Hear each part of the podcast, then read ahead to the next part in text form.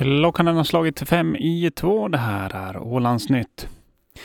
Fåglarnas vårflytt innebär också ökad risk för fågelinfluensa. Nu påminner landskapsveterinären Laura Ölander om förbudet att ha fjäderfä och fåglar utomhus.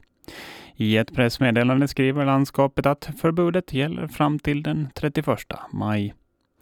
Fjäderfä och andra fåglar antingen, ska antingen hållas inomhus eller så ska området där de vistas utomhus skyddas med ett tillräckligt tätt nät eller på något motsvarande sätt så att vilda vatten och rovfåglar inte kommer i kontakt med fåglarna, skriver Ölander i ett pressmeddelande. Upptäcker man symptom hos sina djur ska det anmälas till Ålands miljö och hälsoskyddsmyndighet eller landskapsregeringen omgående. Också avvikande fall av döda fåglar i naturen ska anmälas till OMHM.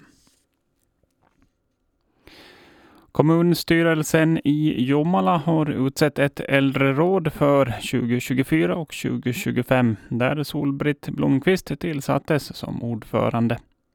Britt-Marie Nyman utsågs till vice ordförande och ledamöter är Anders Karlsson, Elsbeth Jansson, Henrik Flöjt och Ragnhild Wideman. Birgitta Eriksson och Henrik Hellström är ersättare i rådet. Under äldrerådets möten fungerar kommunens äldreomsorgschef som sekreterare. Enligt kommunallagen ska det finnas ett äldreråd för att ge den äldre befolkningen möjlighet att delta i och påverka beslutsfattande som rör den äldre befolkningens levnadsförhållanden. I diskussionen om sammansättningen av nuvarande äldreråd framfördes en önskan från tidigare medlemmar att kommunstyrelsen rådfrågar samt ger ärenden till äldrerådet i större utsträckning än vad som nu gjorts.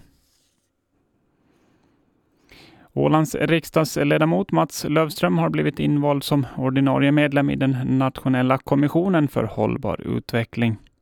Lövström är svenska riksdagsgruppens medlem i kommissionen som leds av statsminister Petteri e. Orpo.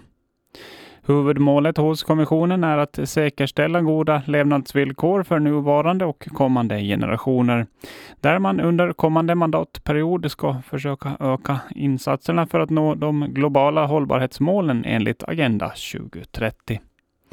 Mats Löfström säger i ett pressmeddelande att han ser fram emot arbetet och är glad över att ha fått förtroendet att bli utnämnd till kommissionen.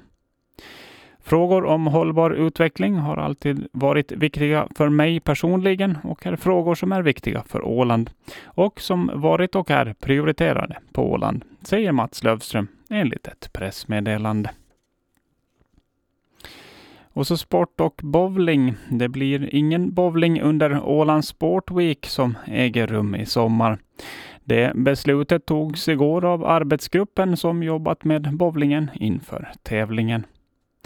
Det har varit så mycket problem i hallen under den senaste tiden, så vi vill inte stå där som arrangör om grejerna inte fungerar. Det säger Oskar Velin som var tänkt som tävlingsledare för bowlingen. Under den senaste tiden har det varit mycket strul med tekniken i hallen och för tillfället så fungerar inte oljemaskinen. Enligt Oskar Velin har bowlarna påpekat felen och bristerna utan att det har skett några åtgärder.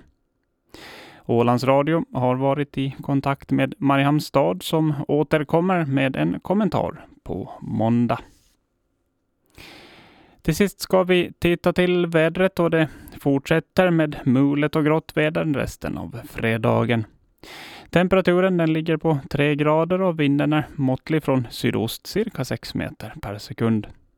Imorgon då är det lördag och då är det mer omväxlande väder än idag. Lördagen inleds med halvklart som övergår i molnigt väder och sedan, sedan finns det en liten sannolikhet för lätt regn under lördagskvällen. Temperaturen imorgon runt 5 grader och måttliga sydostliga vindar 5 meter per sekund.